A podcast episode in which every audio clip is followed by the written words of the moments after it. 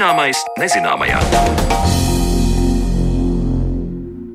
Esiet sveicināti redzējumā, zināmais, nezināmajā. Ar jums kopā esmu es Sandra Kropa, un šodien mēs redzējumā pievēršamies cilvēku uztverei psiholoģijā.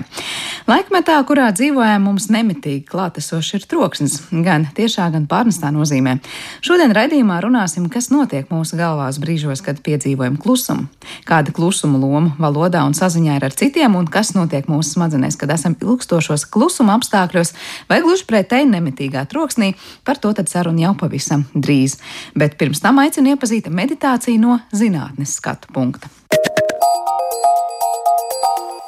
No garīgas prakses pagātnē meditācija mūsdienās kļuvusi par ikdienas sastāvdaļu daudziem cilvēkiem visā pasaulē. Vairums to saredz kā iespēju labi sagatavoties dienai vai nomierināt savu trauksmēno prātu. Iespējams, netrūks arī skeptiķu, kuri meditācijas nozīmi apšaubīs, taču neirozinātnes pētījumi apstiprina, ka meditācija patiesi var sniegt terapeitisku efektu.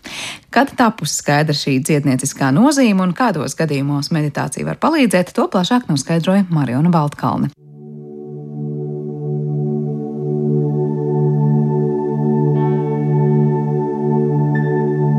Pasaules veselības organizācija ir statistiku uztaisījusi, ka šobrīd apmēram 500 miljonu cilvēku pasaulē meditē. Ar to es gribu teikt, ka mums ir vērts nedaudz kliedēt to sajūtu, ka nu, tie, kas meditē, ir kaut kādi absolūti dīvaini, no dzīves aizgājuši, nu, norakstāmi. Nu, tad, lai viņi tur ņemās savā nodabā. Ka patiesībā tā nav vismaz mūsdienu sabiedrībā šobrīd. Pie tam tie 500 miljoni bija pirms Covid. Man ir aizdomas, ka tas skaitlis varētu būt lielāks tagad.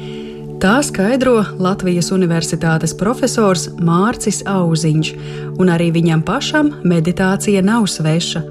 Profesors meditēja katru rītu, nu jau desmit gadu garumā, un šajā reizē pievērsīsimies tam, kas zinātnē ir sakāms par meditācijas nozīmi cilvēka veselībā.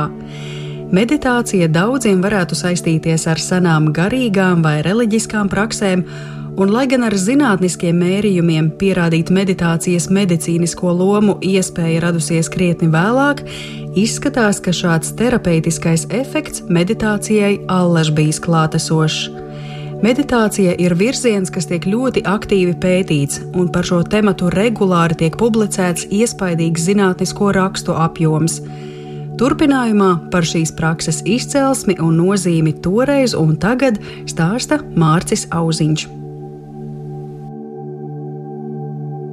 Protams, ja mēs ļoti ejam dziļi pagātnē, dažiem hinduisma pirmsākumos, pavisam noteikti kaut kādas šādas lietas var atrast. Bet man gribētos apgalvot, ka meditācija tādā ļoti organizētā veidā ir sākusies ar budismu. Tas nozīmē, ka tie ir apmēram 2,5 tūkstoši gadu sena tradīcija. Par šo mēs tā daudz drošāk varam runāt. Tādēļ, ka budisms vienmēr ir bijusi reliģija, kas ir ienākusi tādā vietā, kas nav tā kā iedzimta reliģija, ja tā var teikt. Līdz ar to viņiem vienmēr bija jāpierāda sevi, nu, ka mums ir kaut kāda vērtība, un rezultātā ir radušies ļoti daudz tekstu. Vēl vairāk budisms, tad, kad mēs sakām, reliģija ir tāda nedaudz īpatnēja reliģija. Tur nav galvenās dievības un tā tālāk.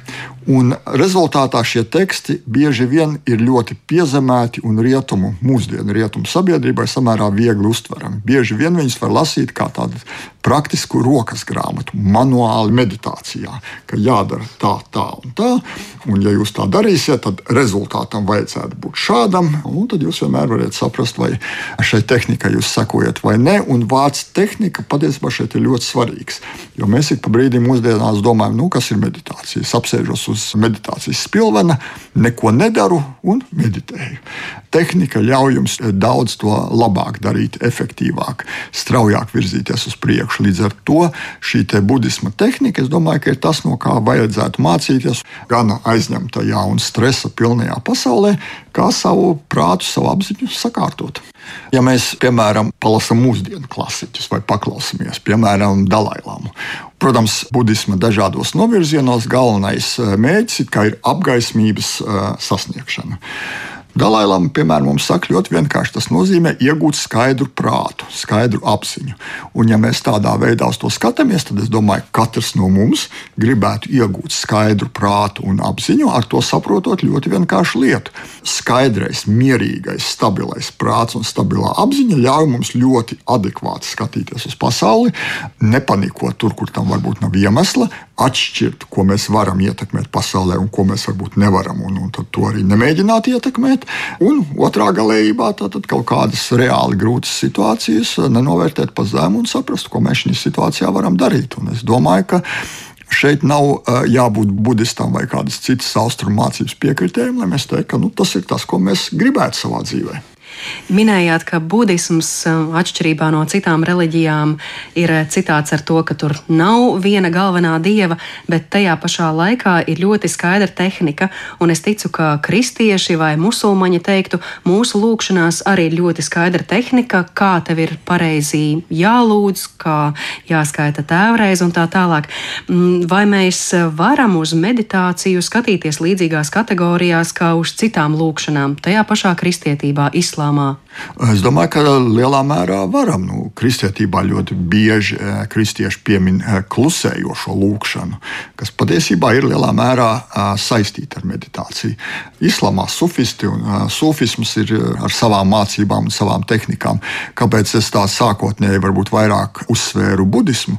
Tādēļ, ka kristietībā mēs neatradīsim tik detālu izklāstu par meditāciju, meditācijas tehniku, kā to darīt, kādēļ to darīt, kā praktiski sasniegt rezultātu, salīdzinot ar to, kā tas ir budismā. Un sufijam ir ļoti līdzīgi. Bet mēs zinām, tā skaitā Latvijā ir skolotāji, Juris Rubenis, piemēram, kurš šo kristīgo meditāciju ļoti, ļoti veiksmīgi māca citiem un praktizē pats. Mums jau sarunā iepriekš ienāca tāds vārdu salikums kā skaidrs prāts, un skaidrs prāts tā varbūt arī ir tā īstā terapija. Tomēr es jautāšu, kurā brīdī top skaidrs, ka meditācijā ir kaut kas vēl vairāk, ka to varētu tiešām lietot arī dziednieciskos, medicīniskos nolūkos vienu ļoti konkrētu laika punktu un vienu ļoti konkrētu cilvēku parasti nosaukt gan grūti, gan ir gan eh, riskanti. Bet es domāju, ka rietumu kultūrā diezgan eh, precīzi tomēr var iezīmēt. Tie ir 20. Eh, gadsimta otrā pusē, es tā diezgan plaši teikšu. Ir pat ļoti konkrēts ārsts un pētnieks, piemēram, Džons Kabadzins, Amerikas Savienotās valstīs, kurš strādā Harvardas Universitātes medicīnas skolā kurš šīs vienu no budistu meditācijas tehnikām, jo ir divas lielas tehnikas - koncentrēšanās un apziņotība. Un šo te apziņotības tehniku ir pārvērtis ļoti precīzi aprakstītā medicīniskā terapijā, kas saucās apziņotībā balstīta stresa mazināšanas tehnika. Dokumentēta ļoti daudz cilvēku viņu ir izmantojuši, un, protams, Džons Kabadzins ir šī virziena aizsācējs, bet viņš šobrīd ir izplatījies uh, ļoti plaši. Un ir pietiekoši daudz pētījumu, kas saka, ka šis reāli palīdz cilvēkiem.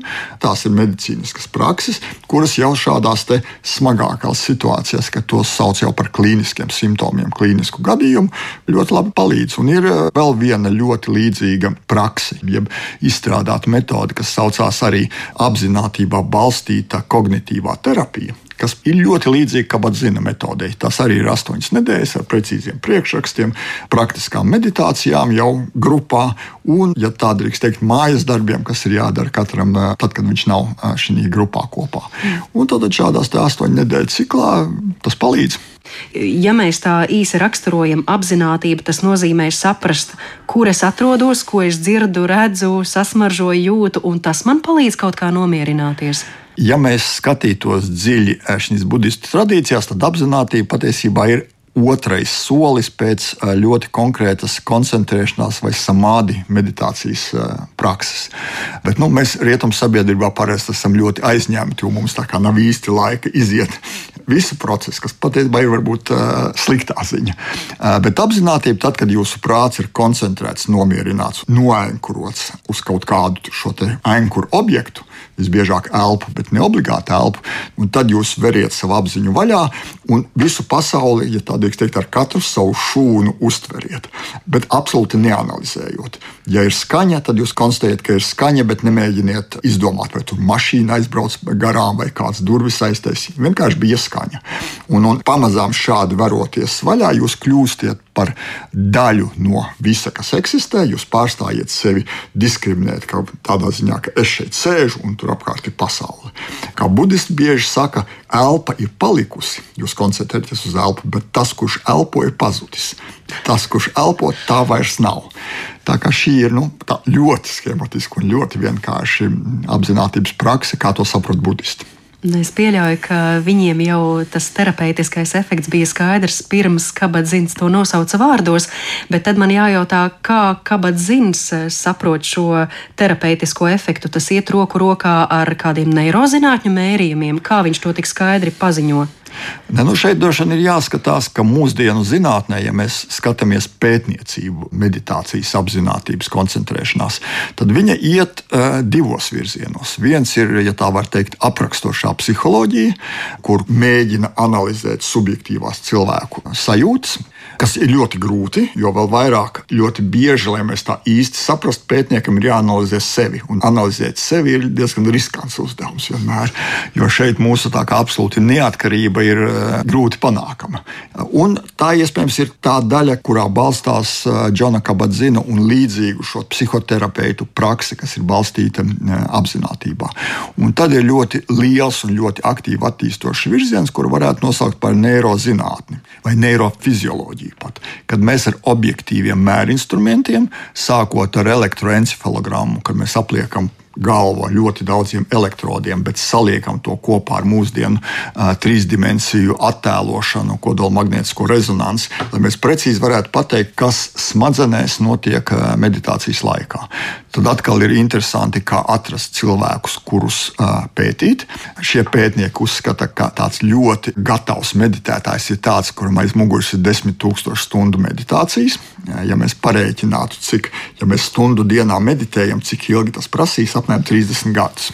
Tā kā tādu nav daudz, un no tiem, kas tādi ir pierunāti viņu gultiešanā aparātā, arī nav ļoti daudz, kas to ir gatavi darīt, bet ir ļoti, ļoti avansēti budistu mūki. Tāpēc viens no tiem ir Metjūri Kārs, kurš ir ar doktora grādu bioloģijā, agrā jaunībā ieguvis, un pēc tam visu mūžu budistu klosteros uh, pavadījis meditācijās. Un šeit ir ļoti interesanti rezultāti, kuri saka, ka jā, patiešām tādi meditētāji ar pieredzi spējas savu smadzeņu darbību ļoti precīzi vadīt, ļoti precīzi kontrolēt. Nu, no vienas puses, ja man ir piemēram psiholoģiskas problēmas un meditācija man palīdz, tad šeit man ir pilnīgi vienalga, vai tur eh, manās smadzenēs kaut ko var nomērīt vai nē. Es gribu justies labāk. Bet, ja blakus ir šī objektīvais stāsts, ka tā nav tikai pašsugestija, tā nav tikai sevis apmānīšana, ja mēs tā gribam teikt, lai labāk justos, bet ka es patiešām varu savu prātu šādā veidā trenēt un kontrolēt. Un, starp citu, vārds trenēt šeit ir eh, ļoti labs. Jo tad, kad mēs ejam uz sporta zāli un trenējam savu muskulatūru, mēs esam pārliecināti, ka mēs varam viņu uztrenēt un mūsu ķermenis mainās. Nu, tad, ja mēs regulāri meditējam, tad droši vien mums nevajadzētu izbrīnīt, ka mēs arī savu smadzeņu darbību uztrenējam, spējam viņu labāk kontrolēt un spējam viņu labāk vadīt. Jā, un droši vien tas ietekmē arī citas eh, orgānu sistēmas, elpošanu un asinsriti. Līdz ar to man gribētu tuvāk saprast, eh, vai ir skaidrs zināms, kādu veselības problēmu gadījumos meditācija patiešām var palīdzēt. Nu, vienas puses, kā jūs teicāt, ka mūsu smadzeņu darbība kontrolē visu mūsu organismā. Un varbūt kādas vainas, kas izskatās ļoti tālu no mūsu kaut kādas mm, smadzeņu darbības traucējumiem, ja tā var teikt, iespējams, ka ar to ir saistīts. Bet tomēr meditācijā pamatā mēs, protams, runājam par dažādām stresa radītām situācijām, depresijām un šādām lietām. Un šis posttraumatiskais stresa sindroms, protams, arī saistīts ar šādām smagām stresa situācijām pārdzīvojumiem, viena vai otra iemesla izraisītiem pārdzīvojumiem. Un tas, protams, ir pamats. Tādēļ ar šo nodarbojās psihoterapeiti vai cilvēki ar šādu izglītību un ar šādu ievirzi. Bet, protams, saprotot, ka mūsu smadzenes ir tas centrālais dators, kas visu pārējo kontrolē, ja centrālais dators labi strādās, tad ir cerība Varbūt, protams, kaut kādas fiziskas traumas, ko šādā veidā mēs nekādīgi neuzlabosim. Bet daudzas lietas, kad mums fiziski mēs slikti jūtamies, tas ir tādēļ, ka mūsu centrālais dators labi nestrādā. Un centrālo datoru, ja mūsu smadzeņu darbību, mēs ar meditāciju noteikti varam sakārtot. Tieši tāpat kā mums ir nepieciešama fiziskā higiēna, svarīga ir arī garīgā higiēna ar meditāciju. Budistu skolotāji apgalvo, ka vismaz desmit minūtes ir nepieciešamas, lai mūsu prāts nomierinātos un attālinātos no neskaitāmām domām. Tātad desmit minūtes dienā būtu minimālais laiks meditēšanai, bet ilgāk par pusstundu no vietas to darīt arī nav ieteicams. Un saskaņā ar psihologu atzinumu, meditējot 60 dienas pēc kārtas, tas sāk veidoties par ieradumu. Vismaz sākuma posmā būtu svarīgi atrast kādu padomdevēju meditācijas tehnikas apgūšanai, un ļoti ieteicama ir meditēšana grupā. Tālākais jau ir katra paša ziņā, bet vēl kāds ieteikums no profesora Mārča Auziņa domājot par šīm meditācijām un šīm lietām, nu, dažam pašam pirmkārt ir jānobriest. Tad, kad ir šī iekšējā nepieciešamība to darīt, tad var atrast arī kādu, kas var to uh, pamācīt.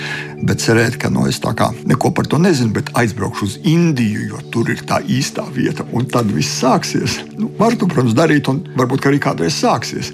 Bet droši vien tas nav tas efektīvākais veids, kā pie tā nonākt. Dzirdējām Marijas Baltkalnas sarunu ar fiziķu Mārci Auziņu par meditāciju, bet turpinājumā pievēršamies uztveres un psiholoģijas pētījumiem par to, kāda mūsu smadzenēs loma ir klusumam.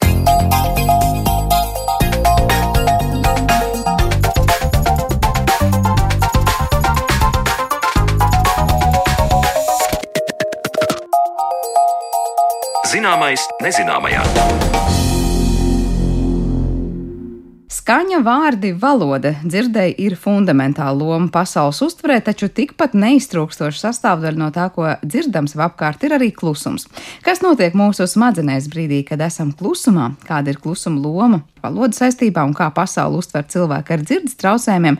Par to mēs runāsim turpmākajās minūtēs ar mūsu šīsdienas studijas viesiem. Un pie mums šodien ciemos ir uh, Latvijas Universitātes pedagoģijas, psiholoģijas un mākslas fakultātes vadošā pētniece Solvita Braško. Labdien! Labdien! Kā arī Latvijas Universitātes datorikas fakultātes profesors un uztvers un kognitīvo sistēmu laboratorijas vadītājs Jurģis Čilters. Labdien! Labdien!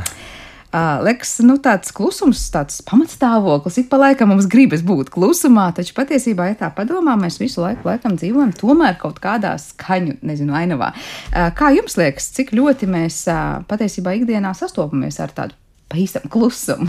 Uh, Salvit, varbūt sākšu ar jums, cik tā klusuma mums ir visapkārt, vai kas mums liekas klusums, bet ne tuvu nemaz tāds nav. Nu, tad ir jāsaprot, ko mēs domājam ar klusumu. Vai tas ir pilnīgi skaņu iztrūkums tajā telpā, kur mēs atrodamies. Man liekas, nu, tādā ikdienas dzīvē to ir īstenībā ļoti grūti nonākt tādā situācijā, kur ir nu, pilnīgi nav nekādu skaņu. Un otra lieta droši vien, nu, kā mēs tās skaņas uztveram, kā mēs viņus vispār spējam, vai, vai nepieciešamās tās pamatlietas, uztveres lietas lai uztvertu skaņas. Nu, Jā, tas tiešām ir jautājums par to, ko kurš sauc par klusumu. Par to arī parunāsim. Jurģi, kā tev no uztveres pētniecības liekas, tur ir kaut kāda definīcija, kad ir klusums un viss. Nu, tāds tīri fizikālā nozīmē klusums jau ikdienas situācijās nav iespējams. Mums ir tā saucamais relatīvais klusums, kas ir uh, uh, ir, ir atkarīgs no, no situācijas konteksta. Un, uh, jāsaka tā, ka tad, kad mēs domājam par uh, klusumu, tad mums jāsaprot, nu, kas mums tajā brīdī pietrūkst. Vai mums pietrūkst vienkārši fona troksnis, vai šis vienkāršais fona troksnis ir runa. Ja? Jo pēc būtības uh, cilvēka uh, nu, kognitīvie procesi, uztveres procesi, uh, runas un, un arī jebkāda fona trokšņa apstākļos uh, tomēr ir ietekmēti. Un, um, un, un tāpēc arī mūsdienās ir tas, pat, uh, tas termins uh, skaņu piesāņojums, noise pollution. Un, un, un patiesībā mūsu dzīve ir nu, tāda konstanta, uh, konstanta trokšņa apstākļos. Nu, viņi nav, nav, nav nekaitīgi ne, ne, ne, ne bērnu attīstībai, ne arī cilvēka uztverēji, uzmanībai. Tā, kā, teiksim, tā ir tāda nu, faktiski 21. gadsimta, nu tikai 20. gadsimta liela problēma savulaik, piemēram, Ņujorkas metro gadījumā atklāja, ka mm, bērnu skolas, kuras ir tuvumā, metro ir ar daudz, nu, būtiski sliktām, sliktākām sekmēm, un, un bērniem ir grūtāk mācīties, grūtāk ielāgot valodas apguve, valodas prasmu, uzmanība. Ir, ir, ir būtiski vājāk nekā tiem, kas dzīvo vai, nu, iet uz skolu, skolu klusos reģionos. Kā ar psiholoģiju zinātnē, cik daudz par to ir, es nezinu, pierādījumu vai hipotēžu, ka vienam tas troksnis tiešām traucē mācīties, traucē uztvert lietas. Kāds cits pateiks, man vajag fonā kaut ko, lai labāk atcerētos. Cik daudz par to ir zināms? Nu, tas ir atkal tā uztveres lietas, un, Un, ja mēs, piemēram, runājam par tiem pašiem traucējumiem, kas ir, kam ir ļoti izteikti šīs grūtības, uzmanības deficīta un hiperaktivitātes traucējumi, tas nozīmē, ka viņiem šīs sensorais slieksnis ir ļoti mazs, un viņiem dažādi, nu, dažādas lietas, nu, ne tikai trokšņi, bet arī kaut kādas vizuālās lietas ļoti ātri novērš uzmanību. Tad, tad nu, tas ir mūsu selektīvā arī uzmanība un uztvere, cik daudz uh, mēs varam vienlaicīgi uztvert vai uztveram, jo, protams, tas nav iespējams visu pilnībā uztvert, bet tiem, kuriem šis um, uztveres slieksnis ir mazāks, viņiem tieši viņi uztver daudz vairāk, un viņiem tas, protams, traucē. Un, un tas ir, jā, un, piemēram, nu, tas ir nu, droši vien pazīstamākais ir šiem, šiem bērniem vai šiem cilvēkiem ar uzmanības deficītu un hiperaktivitātes traucējumiem. Par šo uztveres eh, slieksni runājot, eh, tas ir kaut kas, kas iedzimst, kaut kas, kas veidojas, ir atkarīgs nezinu, no mūsu temperamenta vai kā cita. Kas tas īsti ir un kāpēc viens pie tā nezinu, viena traucējuma teiks, tas jau man ir traucējoši, un cits pateiks, es pat nemanīju, ka tur kaut kas skan. Nu, tas ir bioloģiski pamatā noteikts. Tas ir dzirde vai tas ir kaut kas cits? Um, ne, ne tikai dzirde, tas ir um, apstrādes arī un arī mm, smadzeņu visi bioķīmiskie procesi, uh, kādā veidā tiek um, apstrādāta informācija un kādā veidā reaģē uz stimuliem cilvēki. Tātad uh, uztveres slieksni, Jurģi, var mūsu galvā ieraudzīt kaut kur lokalizēt. Nu, no. nosacīt, es, protams, runāju. Ne, to uztveres slieksni jau var mērīt, no to jau arī nozara kā psihofizika darbojās, ka teiksim, tas zemākais kārdinājums slieksnis, ar ko mēs kaut kādu skaņu uztveram, bet um, Un to var noteikt, protams, to var ļoti precīzi noteikt. Bet tā problēma ir tāda, ka pat ja tas, tā skaņa nav mums nu, tāda nu, būtiski nu, traucējoša ilgtermiņā, trokšņa apstākļos, mums ir gan sirds asinsvadu slimību varbūtība pieaug, gan teiksim, stress, gan koncentrēšanās.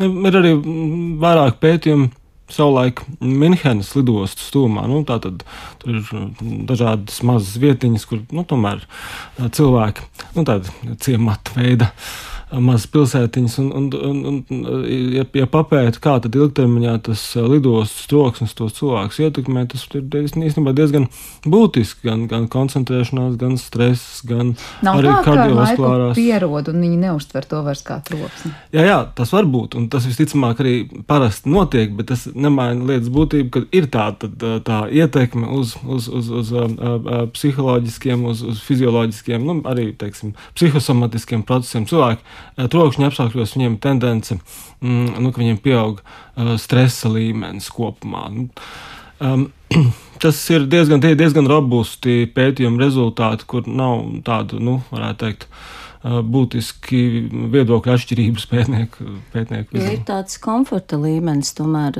arī, piemēram, trokšņu vai skaņu uztverē ir, ir tāds viens līmenis decibeli, kas mums ir tādi komforti, komfortabli un ir, kas ir pāri tam, ko Jūdis minēja, kas, kas ir tīri fizioloģiski jau ietekmē un iespējams, ka cilvēks, protams, pierod, bet, bet tas visa dzirdes, visa sistēma tomēr laika gaitā, ja tas ir ļoti ilgstoši, tomēr tiek ietekmēta nu, tādā negatīvā nozīmē. Un, un ir arī tās visas arodas slimības, protams, kuri strādā uh, skaļos. Apstākļos viņi pierod zināmā mērā, bet tas ļoti atsaucas pēc tam vēlākā vecumā. Var teikt, viņi pierod varbūt tajā uztveres kontekstā, bet viņu šūnas un um, organisms kopumā nepierod pie tā, ka tas ir kaut kāds negatīvs kairinājums uh, dienu no dienas patiesībā tajā brīdī, kad viņi tajā troksnī uzturas.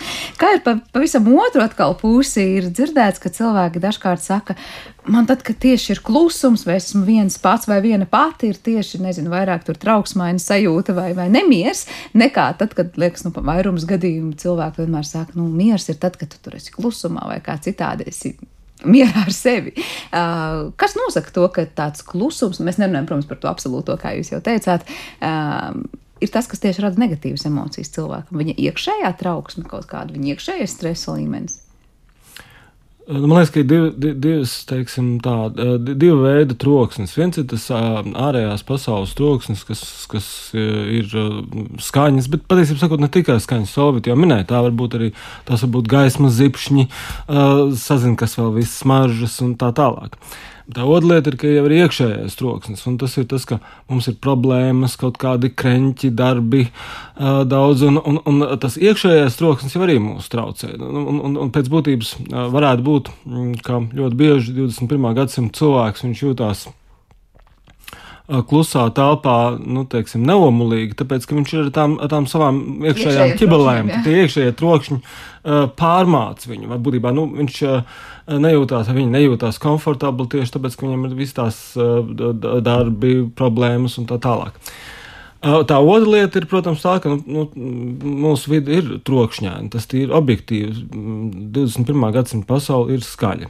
Un skaidrs, ka tās nu, tie brīži, kad mēs esam vienatnē, nu, viņi ir būtiski klusāki. Nu, pēc eh, neirzinātnieku eh, pētījumiem un, un viedokļiem, nu, veselīgi būt vismaz pāris stundas dienā būt klusumā, bet tas jau ir ļoti grūti īstenojams faktiski. Tā skatoties. Tu parasti saki, tad viss, viss veselīgais dzīvesveids paredz, ka mēs kaut kur pastaigājamies, esam kaut kur pie dabas, piemēram. Jā, nu, tas, protams, paredzētu to, ka vismaz uz brīdi mēs esam tajā veselīgajā diapazonā. Jā, nu, jā bet uh, arī, nu, ja mēs domājam, pastaigāties pie dabas, nu, tāds īsts klusums klusums jau tas nav. Un, un teiksim tā, Bet tajā brīdī, kas cilvēkam jā. būtu vajadzīgs, tas būtu apmēram tas līmenis, par ko mēs runājam. Nu, tā kā mēs esam dabā, mēs dzirdam kaut kur, nezinu, vējš, lapas, putni, kaut kas tāds. T tas ir tas klusums, kas tiek uzskatīts par veselīgu nu, cilvēku ausī un psihei. Šeit varbūt uh, Solvitāja kāda vēl labāka data, bet, teiksim, pēc, uh, pēc manā rīcībā esošiem pētījumu rezultātiem tā lieta ir tāda, ka tomēr runa ir par klusumu, kurā nav tā nu, dabas trokšņu iesaisti. Nu, tas tomēr nav. Tas, tas, tas, mums ir kaut kāda teiksim, uzmanības piesaiste, putni vai čaukstoši.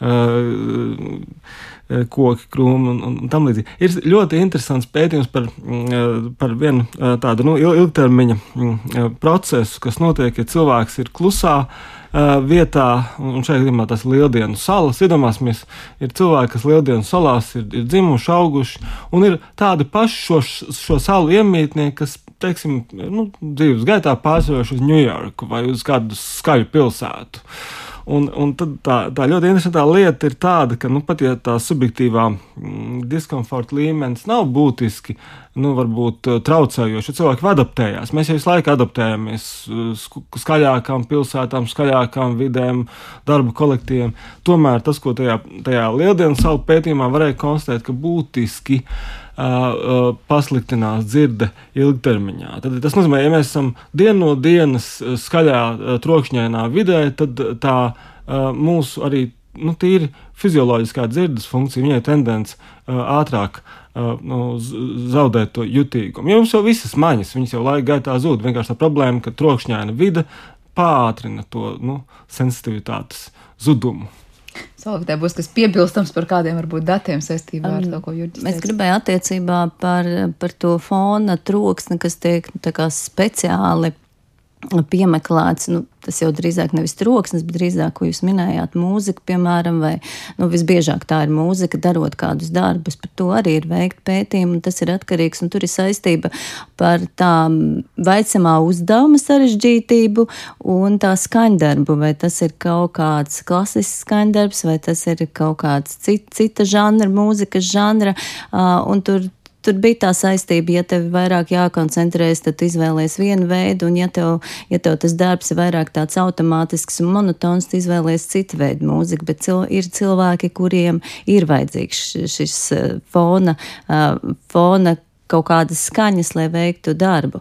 Un vēl pēdējā laikā man nācies daudz, daudz lasīt pētījumus par, par šo pieminēto UDHT, tad tā ir, piemēram, viena no pazīmēm šiem cilvēkiem un bērniem, ka viņiem vajag skaļumu un, tru, un troksni. Tātad uzmanības deficīta sindroma gadījumā tā tad, ja būtu un hiperaktivitātes gadījumā tas troksnis būtu pat tā kā vajadzīgs. Nevis tā kā vajadzīgs, bet viņi nevar uzturēties klusumā. Nu, drīzāk viņiem tas nebūtu vajadzīgs, Jā. lai mazinātu tos uh, visus, uh, kairinājumus, visus jā. kairinājumus, jā, bet, uh, bet viņiem ir tas, kas viņiem, viņi prasās un viņiem patīk uzturēties tādā skaļā, trokšņainā vidē. Vēl par vienu lietu noteikti gribēju pavaicāt arī dažos citos šajos jau raidījumos esam pieskārušies šim tematam, un ja es pareizi atceros, tad mēs runājām reiz par to, ka ja mēs ilgstoši esam vispār tādā, nu, grūti atrodamā pat klusumā, teikšu tā, tad pārlieku lielā klusumā nosauksim to tā, kā mūsu smadzenes, es nezinu, vai kas ir tas, kas paši sāk radīt to sajūtu, ka mēs dzirdam kaut ko, proti, kaut kādas dzirdes halucinācijas vai kā lai to nosauc, ka mūsu galvā sāk skanēt kaut kas, kas fiziski tajā ār, ārpasaulē neskan. Kas tas ir par fenomenu un kas notiek tajā brīdī ar mūsu smadzenēm un uztveri un dzirdi, eh, kad mēs esam tajā pilnīgajā klusumā, kas jau ir tāds diskomfortabls klusums? Tas ir, ko jau Jurģis laikam minēja par to, kas, kas sākas dialogs ar sevi. Vai, vai, nu... Bet varbūt viena lieta ir tad, kad, ko Jurģis stāstīja par šiem fona trokšņiem, kas tā kā uzjundīja, un mēs jūtamies komfortabli vai nekomfortabli drīzāk par to, ka tur ir visas mūsu problēmas. Bet uh, mūzikas uztvers kontekstā mums, man liekas, cilvēki par to ir stāstījuši, ka vienā brīdī ir kaut kas, kad liekas, ka tev pat tiešām galvā kaut kas skan, lai gan fiziski neskan. Nu, droši vien, ka tur viens varētu būt tas uh, mūzikas pēcefekts. Ja mēs teiksim, intensīvi nu, iedomāsimies, uh, 5, 6 stundas klausāmies uh, mūziku, un piepieši mēs neklausāmies. Mums uh, jau uztver nav tā, ka viņi uzreiz hops izslēdzās. Viņi jau turpina darboties. Tad, uh, Eh, viņa nu, pieģenerē, pieveido klāt kaut kādu nu, tādu sava, savā veidā tādu nu, skaņas um, fantomu. Var, nu, tas teiksim, tāda, tā, tāds viens uh, skaidrojums, bet uh, tā otra lieta ir, ka nu, kopumā iedomāsimies situāciju, ja mēs esam klusumā. Uh, ne tās divas stundas, ne trīs, bet, nu, teiksim, 20 stundas. Un, un es, es domāju, ka mums būs ļoti ne, ne, nepatīkama sajūta. Uh, Man liekas, ka tā normālā 21. gadsimta cilvēka mentālās veselības um, nu, garantija, varētu teikt, tāda nu, būtu kaut kādas tiešām nu, kāds brīdis, nu, labi, stundas, divas, bet, bet, bet citādāk jau tas ir nu, kaut kā arī no, no tādas normālas uztveres viedokļa mazliet pretabiski. Bet savukārt, kāpēc? Kas ir tā klusuma lielā pievienotā vērtība no, no nerezinātņu viedokļa? Nu, mums daudz būtiskāk uh, veidojās uh, at, atmiņu. Faktiski mēs uh, klusumā sakārtojam atmiņas. Mēs apzināmies vai nē, bet teiksim, tā, uh, atmiņu apstrāde uh, tas ir viena lieta, arī, arī koncentrēšanās spējas, uh, arī, arī um, dažādi uztveres procesi klusuma apstākļos vai nu norisinās labāk, vai arī nu, viņi kopumā uzlabojās. Nu, mums ir tāda, nu, kā teikt, skaņu diēta, respektīvi, nu, kāds mm, dienā, nu, kāds brītiņš klusumā. Patiesībā, lai mūsu galvā sakārtotos lietas, ir jābūt tajā klusumā, kur, kur laikā tas notiek. Līdzīgi kā par miegu, parasti saka, ir tā viena fāze, kurā patiesībā tā dienā uzkrātā informācija arī sakārtojas. Solvita gribēja vēl ko piebilst par to, par to klusumu un to, ko tas rada mūsos. Uh, ja. Man ir jautājums par to, vai ir psiholoģijā kādi attīstības psiholoģijā, varbūt pētījumi, kas notiek tajā brīdī, kad pārāk ilgi cilvēks varbūt ir nošķirs no, no šīs pasaules skaņām un trokšņiem, proti, kā Jurģis te mazliet minēja par to skaļumu, kas notiek skolās, kuras, piemēram, atrodas to metro stāciju tūmā. Tad tā troksnis Eh, traucē uztverēji vai, vai, vai, vai apgūt kādu mācību vielu, vai ir psiholoģijā atkal pretēji pētījumi, ka varbūt sliktāk attīstāmies, ja bērni ir atstāti pilnīgā klusumā un izolētībā. Nu, man liekas, aktuālākais ir tieši par šo skaņu un kā, kaitīgo ietekmi vai, vai stimulu pārsātinājumu drīzāk, protams, jo tas ir aktuālāks, jo, jo tas ir tuvāk tai realitātei, jo um, faktiski kāpēc būtu jāveic tie pētījumi, uh, jo tā vide mums ir trokšņaina un tāda klusa vide droši vien nebūtu problēma, kādā veidā viņu vajadzētu novērst. Uh, drīzāk, nu jā, nu tāds pētījums kā klusuma negatīvo ietekmi, godīgi sakot, es neesmu lasījis vienīgi es, nu, tādā kontekstā, kā jau pa pieminētiem dzirdes traucējumiem, kā bērniem. Nu, tie bērni, kuri ir piedzimuši jau ar, ar izteikti smagiem dzirdes zudumu pakāpi, kas nozīmē, ka viņi faktiski tādus vidas trokšņus neustver skaņas vispār, tad viņi tā tādā virzienā ir tie pētījumi, kā, kā viņi mm, dzīvo vai uztver šo pasauli bez šīs mm, audiālās informācijas. Un tur ir tā, ka viņi, protams, izmanto citas maņas. Viņi ļoti ātri adaptējas, un viņi, piemēram, no ļoti agrīnā vecumā viņi izteikti vairāk, nu, nozīmīgi vairāk, teiksim, tās rotaļlietas mutē liek nekā pat, pat tā tipiskai tajā vecumā bērni. Tad, tad viņi kaut ko citu izmanto, protams, vizuāla informācija, bet arī taktīlā un tāda. Tā kā viņi atrod veidus, kā, kā tajā it kā nosacīt klusuma pasaulē uztvert to pasauli un, un veidot šīs sakarības. Jūs tikko minējāt par bērniem, jau tajā vecumā, kāda vēl ir pētījuma tieši par nedzirdīgiem cilvēkiem un viņu uztveri pasaules? Jūs domājat, klusuma nozīmē? Jā, nu, vai, nu, tajā ziņā es domāju, nu, tajā brīdī, kad tā māņa nu, nu, nestrādā tā kā citiem cilvēkiem, proti, šie cilvēki nedzird tās apkārtnes skaņas. Kā viņi kopumā uztver pasauli? Cik daudz vispār to ir iespējams izzināt un kā tas notiek? Nu, protams, tas ir uzreiz tas kompensatorais mehānisms, kas, kas ir tās maņas, kas visvairāk tiek uh, lietotas. It kā loģiski liekas, ka tā ir vizuālā apstrāde, uh, bet tie pētījumi tomēr nav tik ļoti viennozīmīgi, jo ir, piemēram, jomas, kur, uh, piemēram, vizuālā secīga atmiņa un vispār atmiņas faktors kā tāds nedzirdīgiem cilvēkiem un bērniem ir pavaināts, un tas vēl joprojām tie pētījumi ir diezgan seni un tiek turpināti. Bet, bet kaut kā tāds pamatojums īsts apstiprinošs nav atrasts. Nu, tas ir veids, kā viņi, kā viņi šajā vidē adaptējas, kā viņi sazinās. Nu, drīzāk tas jau ir tas, nu, tas pētījuma jautājums, kā viņi apgūst informāciju, kas viņiem palīdz apgūt uh, informāciju, jo nu, viens, viens sensorais kanāls ir traucēts zināmā mērā, jo nav arī tā, ka visiem pilnīgi ir tā, ka viņi neko nedzird. Ir tās dzirdes zuduma pakāpes arī ļoti dažādas. Un, un tas ir nu, atšķirīgi arī kā pasauli uztver tas, kuram ir tā smagākā dzirdes zuduma pakāpne no tās, kur ir tāda samērā viegli tie traucējumi. Tā kā drīzāk tie ir eh, faktiski tādi uh, valodas apguvi, kas vēl joprojām ir ļoti aktuāli, seni pētījumi, bet tas ir arī nu, saistībā ar to dažādo valodas modalitāti, kad, uh, ja, ja zīme valoda, kas tiek lietota, ir tāda vizuāla telpiska valoda uh, mo modalitāte un kā viņi apgūst arī šo mutvārdu valodu un kāpēc viņiem tur īsti tā neiet un kā viņi sazinās ar, ar dzirdīgo pasauli, kas ir tās viņu priekšrocības vai ierobežojumi nu, drīzāk. Nu, ja, bet, protams, jebku, nu, kā jebku nu, par bērniem, arī par nedzirdīgiem bērniem visādās jomās, gan sociālā, emocionālā, kognitīvā jomā tie pētījumi ir. Ja viņus agrāk ļoti salīdzināja ar dzirdīgiem bērniem, tad viņi tagad vairāk arī mēģina saprast, nu, nevis tādas starpgrupu atšķirīgas dzirdīgas, nedzirdīgas, bet arī no daudziem ietekmējušiem faktoriem, tādiem tiem pašiem dzirdīgiem bērniem, kādā vidē viņi auguši, kādu valodu viņi lieto un kādas viņiem ir bijušas iespējas un tā tālāk.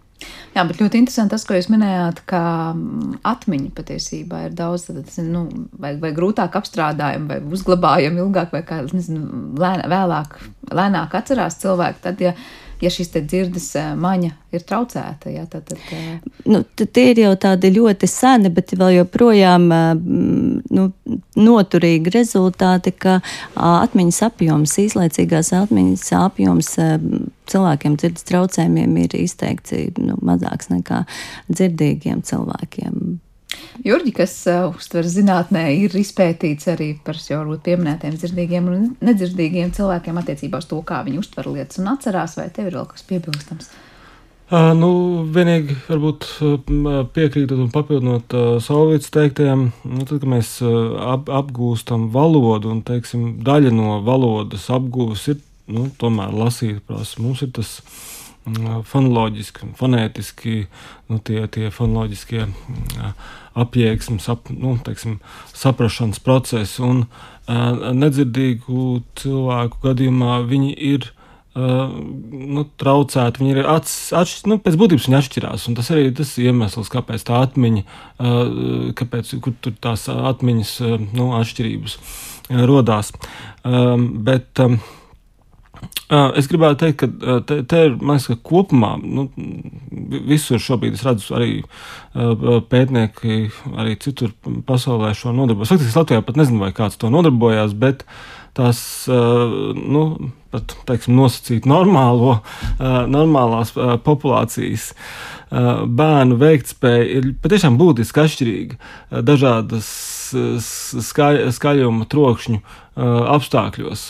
Un, um, nu, um, mēs runājam par, par um, izglītības kvalitāti un, un, un teiksim, skolu un, un vidusskolu gadījumu. Būtu interesanti paskatīties, kā tas ir Latvijā ar, ar klusām un skaļākām skolām, vai, vai tās atšķirības gadījumā nav šajos aspektos. Jo nu, tie pētījumi, kas ir, ir, ir Ņujorkā, kas tiešām ir nu, ļoti liela apjoma, arī, arī, arī tas stāsts par Minhenes lidostu, nu, tur tomēr tie rezultāti ir nu, diezgan viennozīmīgi. Viņi nav, nav tādi ar, ar, ar nu, būtiskām atšķirībām. Um, um, Tas par to troksni skolās. Es atceros arī šeit sarunas par to, kādi ir mūsu dažādie nu, psiholoģiskie tipi, vai kā to būtu jāsauc. Te, neobligāti stāsts ir par uzmanības deficīta sindromu vai hiperaktivitāti, kā arvien vairāk ir laikam bērnu skolā, kas saka, viņiem ir pārskaļu tas fons tajā brīdī, kad ir starbrīdis vai kopumā viņi daudz.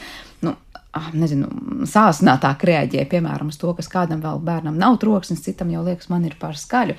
Kas solvi tur ir parasti tas iemesls, kāpēc ir tas jutīgums, piemēram, starpbrīdī. Bērns varbūt var teikt, es negribu pat iet uz skolu, jo starpbrīži ir skaļi vai bērnu dārzā ir skaļi. Nu, Tas ir atkal stāsts par sensoro jutīgumu, kas arī tāda viena no iedzimtām lietām, kā personības iezīmes, un arī tas, tas ir tas jutīgums slieksnis. Un, un, un tagad jau tiek izdalīti nu, arī nu, dažādos teorētiskos konceptos par tiem īpaši jutīgiem bērniem vai sensoro jutīgumu, kam arī nu, būtu jāņem vērā un, un ieteikumi, ka šiem bērniem nu, vajadzētu mazināt tos, tos kairinājumus. Kā, nu, protams, tas ir ļoti aktuāli pie autiskā spektra traucējumiem. Nu, kas ir vairāk izteikts un varbūt biežāk par to runā, bet ne tikai tas sensorais jutīgums arī tāda ļoti individuāla pazīme kas vienam ir komforts, otram jau ir diskomforts. Un vēl noslēdzot šo sarunu, jūs abi jau pieminējāt par šiem nedzirdīgiem cilvēkiem, to, kā viņi mācās un kā uztver informāciju. Kad īsti sanāk tajā brīdī, kad mēs pie sevis kaut ko lasām, nu dažkārt ir tā sajūta, ka es, es nezinu, iekšēji dzirdu šo iekšējo runu vai kā tas saucās. Kas notiek ar nedzirdīgiem cilvēkiem tajā brīdī, kad viņi lasa, vai viņi arī sevi dzird tāpat kā mēs lasot. Tas, tas ir ļoti interesanti, un es arī privāti esmu par to runājis, jo man ir pazīstami daudz nedzirdīgi cilvēki. Uh, viņi teica, ka savā ziņā ir ļoti grūti, protams, viņiem tā fonoloģija, ko Jurģis jau minēja, ko mēs tā kā iekšēji lasām, mm -hmm. uh, viņiem pirmkārt viņi ir izkropļotā veidā, jo viņi ne, nedzird tās skaņas, bet viņiem ir kaut kādas šīs pavadošās kā skaņas, ko viņi lieto. Uh, viņi lieto vairāk pat ne, ne īsti vizuāli vizuāls attēls, bet eh, drīzāk tās fonoloģija kaut kādā veidā, kaut kādā mērā viņi to, to lieto lasot. Bet, bet par lasīšanu nedzirdīgiem tas ir vēl atsevišķi pilnīgs stāsts, jo tur ir citi, citi kodi, kā viņi kodē to las, lasīšanas procesā, jo viņiem ir tas, uh, nu, ātri pastāstot, tajā apgūves procesā viņiem nāk vēl tas burtu kods klāt, kas ir manuālais kods, fonoloģiskais kods un zīmes kods. Uh, Tā kā viņiem ir daudz vairāk nekā dzirdīgiem bērniem. Nu, proti, piemērs, ja es tagad lasīšu pie sevis vārdu, skaņa, vārdu un valoda, tad es pie sevis arī dzirdēšu šīs zilpas, kā es tās izrunāju. Nedzirdīgs cilvēks vispār neustvers to, ka tā skaņa vārds izklausās tā, kā tas izklausās. Viņš pie sevis to jutīs ar, tajā, ar, ar zīmju valodu.